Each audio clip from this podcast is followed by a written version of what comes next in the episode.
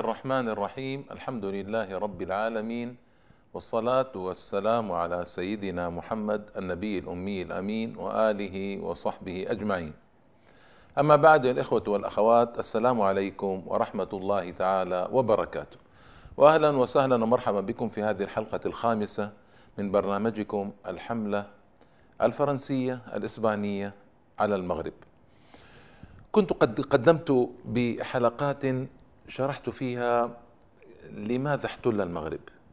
كيف سقط المغرب في براثن الاحتلال الأجنبي وكيف لهذه الدولة العريقة القوية أن تضعف إلى هذا الحد فيطمع فيها أعداؤها ذلك الطمع.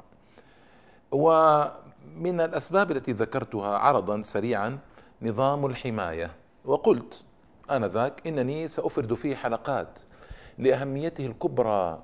ولنعلم كيف نوقع أنفسنا بأنفسنا أمام عدونا. وهذه مصيبة وأي مصيبة هي.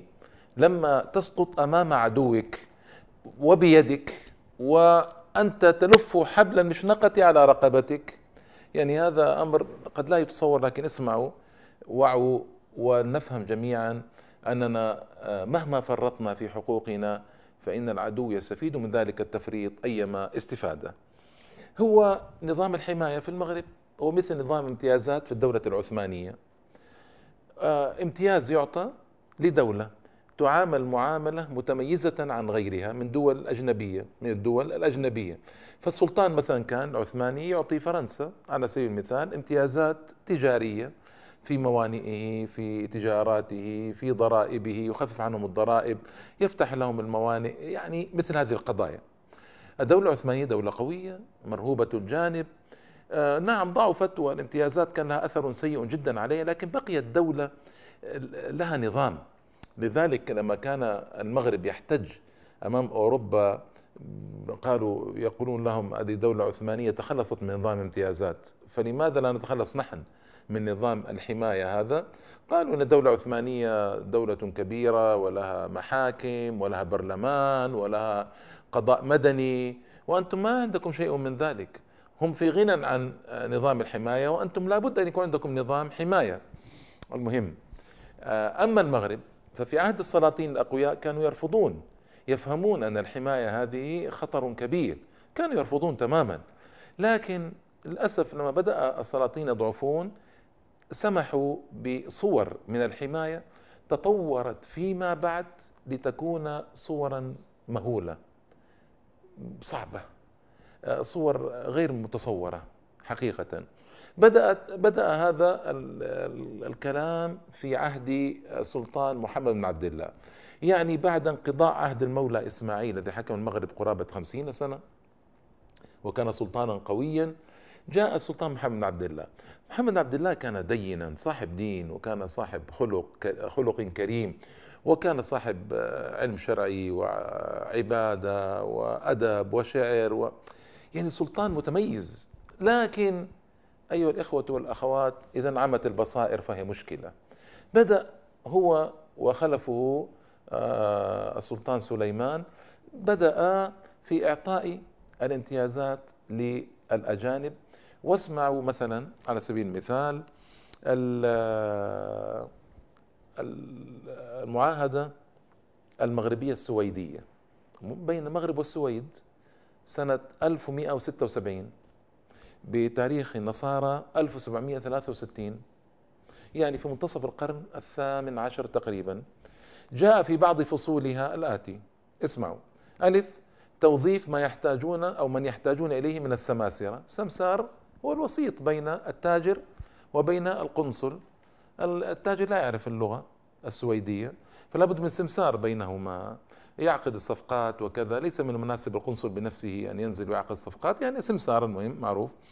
باء من انضاف إليه من أهل الذمة اليهود مثلا هو لا يوجد غير اليهود لا يلزمهم شيء أمام الدولة المغربية. يعني يهود ومغاربة لكن لا يلتزمون بشيء أمام الدولة المغربية. لا ضرائب لا مق... لا قضاء لا سلطان للمغاربة عليهم. هذه ثغرة عظيمة نفذ منها اليهود كما سيأتي في حلقة خاصة آه لليهود مع نظام الحماية. آه، القنصل السويدي يفصل بين النزاعات الخاصة بين رعايا دولته. آه إذا أصبح القنصل هنا مثل قاضي في ديار الإسلام. يفصل بين رعايا دولته. أما النزاعات بين المغاربة والسويديين فيفصل فيها القنصل مع الحاكم المغربي. والله تعالى قال ولن يجعل الله للكافرين على المؤمنين سبيلا لا يجوز لمسلم أن يتحاكم إلى قاض غير مسلم في بلاده الإسلامية. بلاد عربية إسلامية عريقة في الإسلام والعربية يتحاكم فيها المغربي إلى قاض غير مسلم. هذا لا يجوز ابدا لكنه من التساهل. كانوا يرون أن الأمر خفيفا أن الأمر خفيف وأن الدولة قوية. أيام محمد بن عبد الله ما زالت مرهوبة وقوية. فيرون هذه أشياء يسيرة والسويد معاملات يسيرة ليس بينهم معاملات كثيرة فتهاونوا فيها. فبعد ذلك توسعت المعاهدات. مثلا اسمعوا معاهدة فرنسا.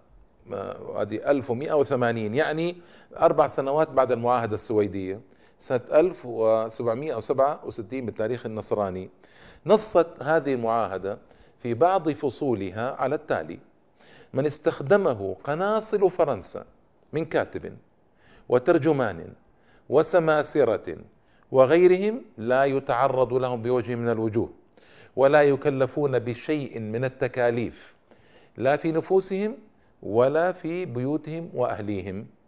وهذا نص صعب. ابتدأ فيه الخرق يتسع على الراقع لأن المعاهدة قالت وغيرهم يعني سماسرة تجار آه، كتاب تراجمة يعني جمع ترجمان ومن يلوذ بهم من أهلهم. وغيرهم كلمة غيرهم هذه تشمل كل الشعب المغربي ممن ممكن أتصل بالقناصرة. كل الشعب. فكلمة غيرهم هذه فتحت بابا من الشر كبيرا جدا كان مغلقا من قبل. أصبح بعد ذلك إلى أن وصل إلى درجة أن عشرات الآلاف من المغاربة لم يعد للدولة عليهم من سلطان للأسف الشديد. كذلك المعاهدة الدنماركية والإنجليزية والمعاهدة الأمريكية وفتح باب المعاهدات. كل دولة تريد أن تفرض على المغرب نظاما خاصا يعطيها امتيازات خاصة وهذه هي المصيبة. اسمعوا المعاهدة الإنجليزية التي وفق عليها سنة 1273 1856 يعني هي آه، بعد المعاهدة الفرنسية بتسعين سنة تقريبا. ووقعها بوسلهام. بوسلهام هذا يلقبه بعض المؤرخين ببوسلهام الغبي الذي يعني لا يفكر في خطورة هذه المعاهدات ولا فيما يمكن تجلبه على بلاده بينما الأوروبي مجهز من بلاده يعرف ماذا يريد وكيف يفرض ما يريد وكيف يأخذ ما يريد يعرف هذا ودرب عليه تدريبا في معاهد خاصة. بينما نحن نذهب لا نعرف ماذا نريد لا نعرف كيف نتفاهم. في آه، باللغة عبارة عن بينك وبين الترجمان الله أعلم الترجمان ماذا يقول له ماذا يقول له ما ندري. ثم إنه ضعيف دبلوماسيا وسياسيا لا يستطيع. ثم إنه منهزم نفسيا أمام الكفار. فهذا كيف سيخرج بنصوص مفيدة لبلاده؟ بالطبع يعني هذا أمر صعب جدا. اسمعوا من نصوص المعاهدة الإنجليزية. إذا حصل بين خصام بين مغربي وبريطاني لا ترفع الدعوة إلا إلى القنصل. عجيب. أي أصبح القنصل هو صاحب السيادة في المغرب. يعني مشكلة بين مغربي وبريطاني. لا ما ترفع للقضاء المغربي ولا يتدخل المغرب فيها. إنما إنما يفصل فيها القنصل. وهذه مذلة. شرط مذل آخر قيام الحكومة المغربية والشرطة المغربية باعتقال من يريد قنصل اعتقاله. عجيب. ومن يأمرون بنقلهم إلى الجهة التي يريدون نقله إليها. يعني القنصل أن ما عنده وسائل تنفيذية. يحكم في القنصلية نعم لكن ما عنده وسائل تنفيذية يتعقب بها الناس. فمن الذي آه، سيفعل له قراره؟ الشرطة المغربية. يأمر القنصل الشرطة مباشرة. اذهبوا وألقوا القبض على فلان وسفروه إلى جهة كذا. ما تملك الشرطة إلا أن تقوم بالتنفيذ. هذا أصبح حاكما في بلاد المسلمين. إنا لله إنا إليه راجعون. أيضا شرط آخر وعجيب حرية التبادل التجاري. المغرب مثلا في أوقات الجفاف مثال في أوقات المجاعات في أوقات الأوبئة والأمراض في أوقات النقص في الأمطار يعني ويريد أن يحتفظ بحبوبه لبلاده. بقمحه وشعيره لبلاده. يريد أن يحتفظ بمواشيه لنفسه. لا هذه حرية التبادل التجاري. لا تستطيع الدولة المغربية أن تمنع تصدير البقر والغنم من موانئها. ما تستطيع بهذه المعاهدة. لا تستطيع الدولة المغربية أن تمنع تصدير القمح والشعير من موانئها. ما تملك ولا تستطيع. وهذا ذل ليس بعده ذل. فقدت الدولة فيه السيطرة على الأسواق. طيب. وأيضا الإنجليز خفضوا إلى عشرة بالمئة على كل الأصناف. وهذا عجيب لأن بعض الأصناف المهمة للمغرب ولأوروبا كانت الضرائب ضرائب التصدير يعني تصل إلى 50% هم أحرار في بلادهم يصدرون بالسعر الذي يريدون. فقالوا لهم لا عشرة بالمئة فقط الضرائب على كل الأجناس والأنواع. وبهذا أصبحت خزينة الدولة تعاني من الفراغ ومن التدهور وهذه مصيبة. اسمعوا أيضا آه، مولاي سليمان على أنه من من آخر السلاطين الأقوياء تقريبا مولاي سليمان آه، منح امتيازا قضائيا للإسبان. تستفيد منه دول أجنبية أخرى. ما هو هذا الامتياز؟ وهو نص غريب جدا جدا. كيف وقع عليه؟ من الذي وقع عليه؟ آه أنا أتعجب. يعني السلطان سليمان ربما ما انتبه لهذا النص لأن المعاهدة تكون طويلة وبنودها طويلة والسلطان ما تفرغ لقراءة كل المعاهدة والذي أرسله ليوقع يثق به وقع. آه، آه، هناك نص يقول إن المدعي يتبع المدعى عليه إلى محكمته. يعني لو حصل نزاع بين مغربي وإسباني والمغربي صاحب حق مدعي. والمدعى عليه إسبان إسباني. ما العمل؟ قال المدعي يتبع المدعى عليه إلى محكمته يعني يجب على المغربي أن يذهب إلى محكمة أسبانية موجودة في القنصلية يعني لتفصل في النزاع بينه وبين الإسباني. بالله عليكم الإسبان الذين يخططون لابتلاع المغرب هل سيقضون للمغربي على الإسباني؟ لا طبعا. سيقضون للإسباني على المغربي مهما بلغ ظلم الإسباني. وهذا أمر معلوم من أحوال المحتل الأجنبي وغدره وطرائق حيله. فكيف يعني؟ كيف هذا النص؟ وللأسف الشديد آه، وقع على هذا النص. أصبح القاضي بموجب هذا النص حاكما يفصل في القضايا التي فيها مغاربة صار له سلطان في بلاد المغرب.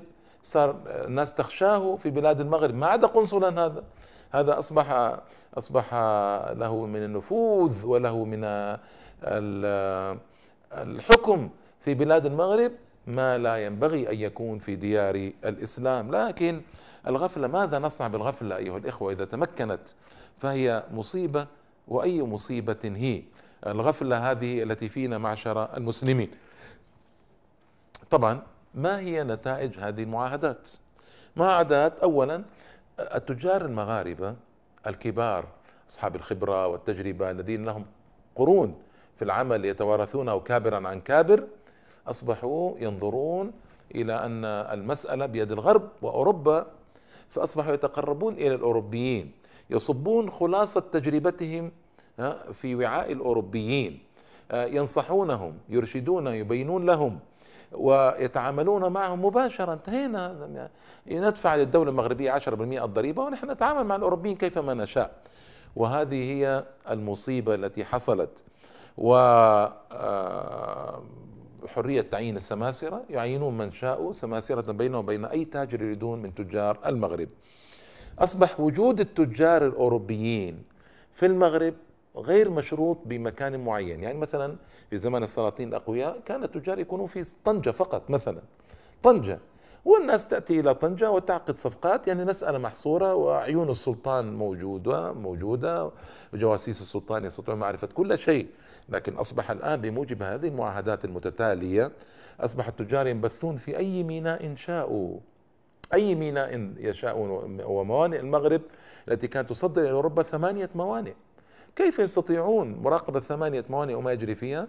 ثم أيضا التجار يذهبون إلى الداخل المغربي إلى الصحراء إلى الريف يتحركون في أي مكان يريدون. لا أحد يوقفهم ولا أحد يتدخل فيهم. هذا كله كان ممنوعا أيام السلاطين الأقوياء. ولا تنسوا أن عددا من التجار كانوا يأتون على أنهم تجار وهم جواسيس ليقيسوا قوة المغرب والشعب المغربي. ومواطن القوة ومواطن الضعف ليعرفوا كل ذلك. وهذه أيضا مصيبة من المصائب الكبيرة. هنا أصبح كل من يتصل بالقنصل محميا له آه، ترجمان سمسار آه، عمال شغالات وخادم وخادمون في البيوت. كل من اتصل. والمصيبة أن هم وعائلاتهم وأولادهم كلهم مشمولون بالحماية. إذا أصبحت الحماية آه، شاملة لقطاع كبير من المغاربة الذين استغلوها أسوأ استغلال أسوأ استغلال.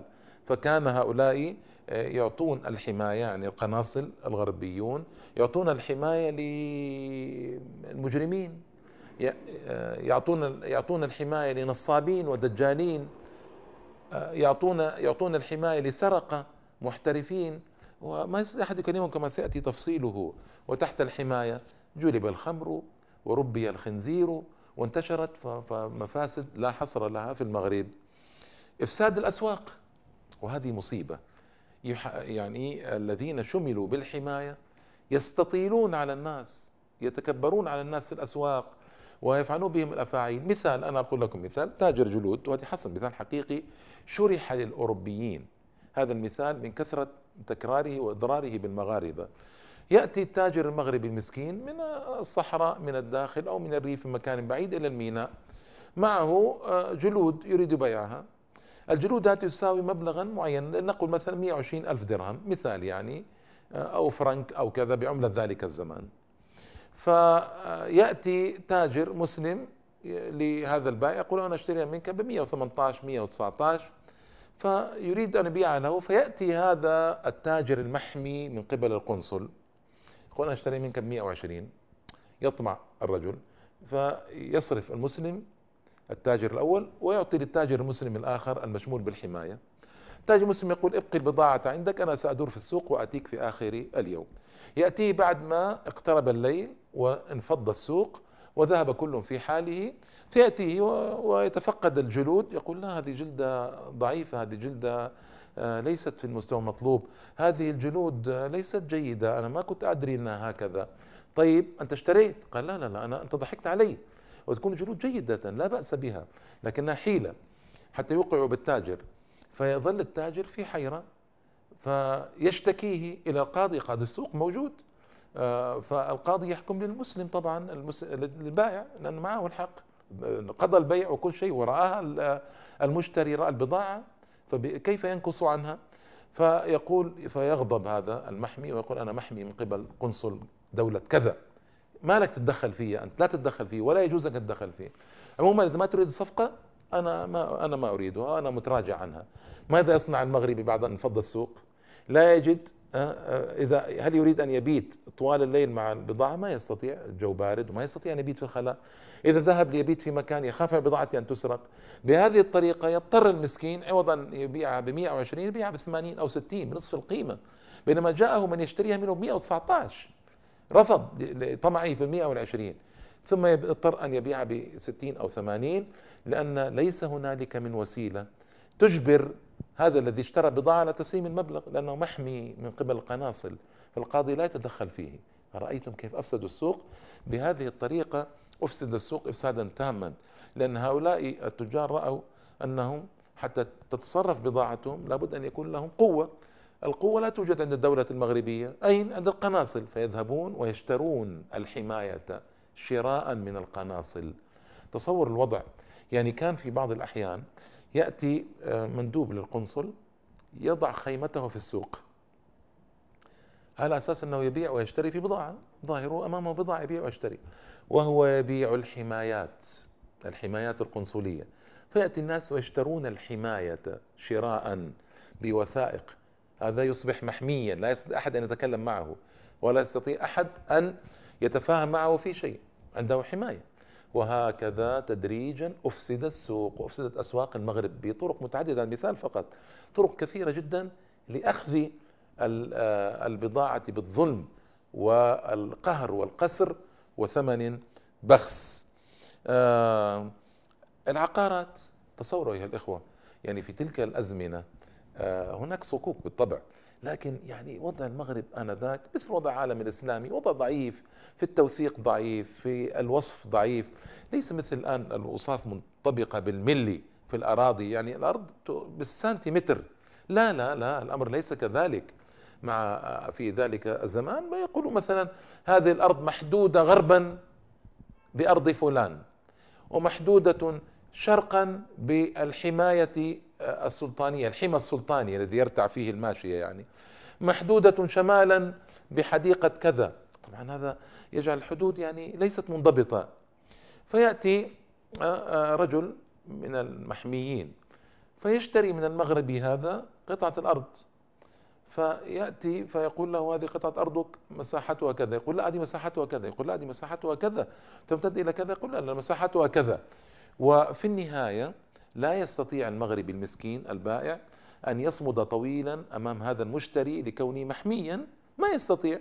فيستولي المشتري على الأرض بالمقياس الذي يحدده هو وبالمال الذي يحدده هو. فيعني قهر للناس ما بعده قهر. وطبعا يتوسع في أملاك الآخرين لأن الحدود غير منضبطة. فيقول أنا أملاكي إلى هذا الحد وليس إلى هذا الحد. فإذا ذهب صاحب الملك الآخر واشتكى عند القاضي قد يقول والله ما أستطيع. تصرف معه أنت.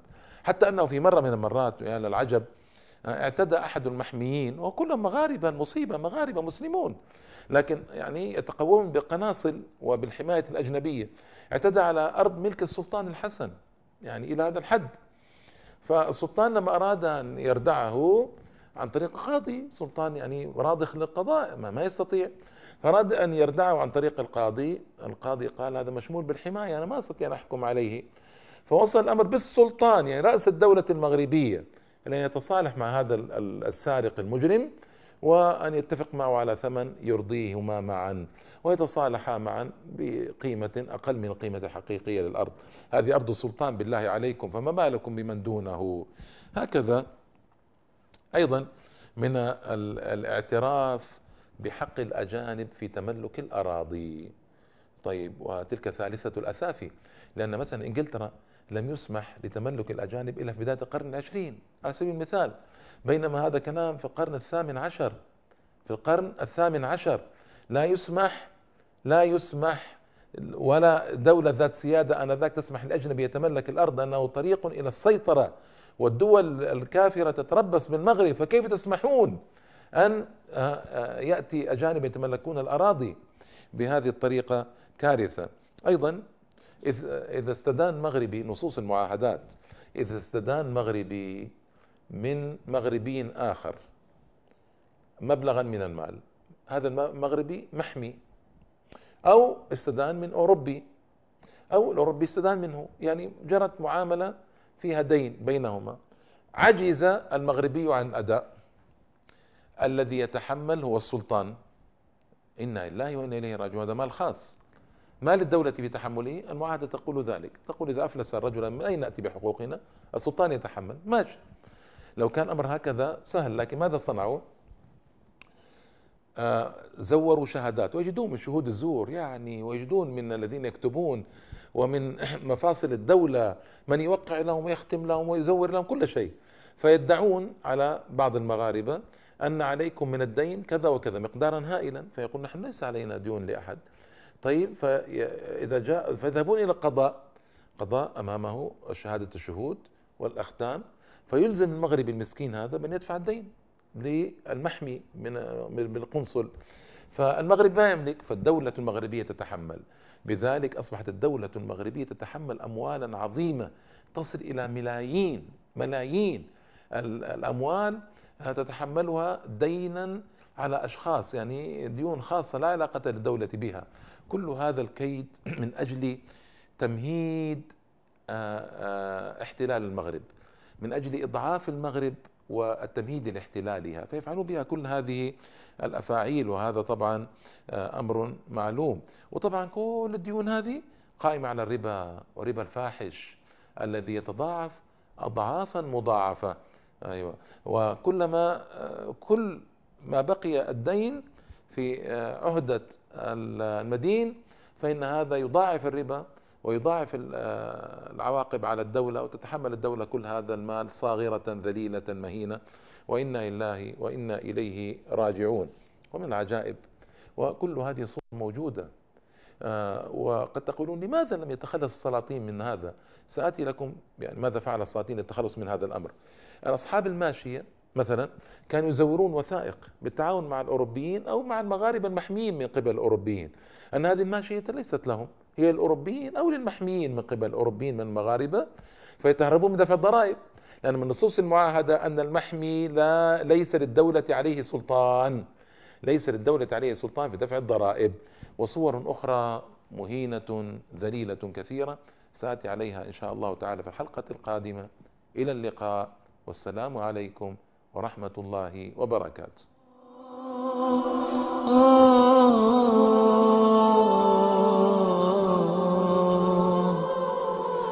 Oh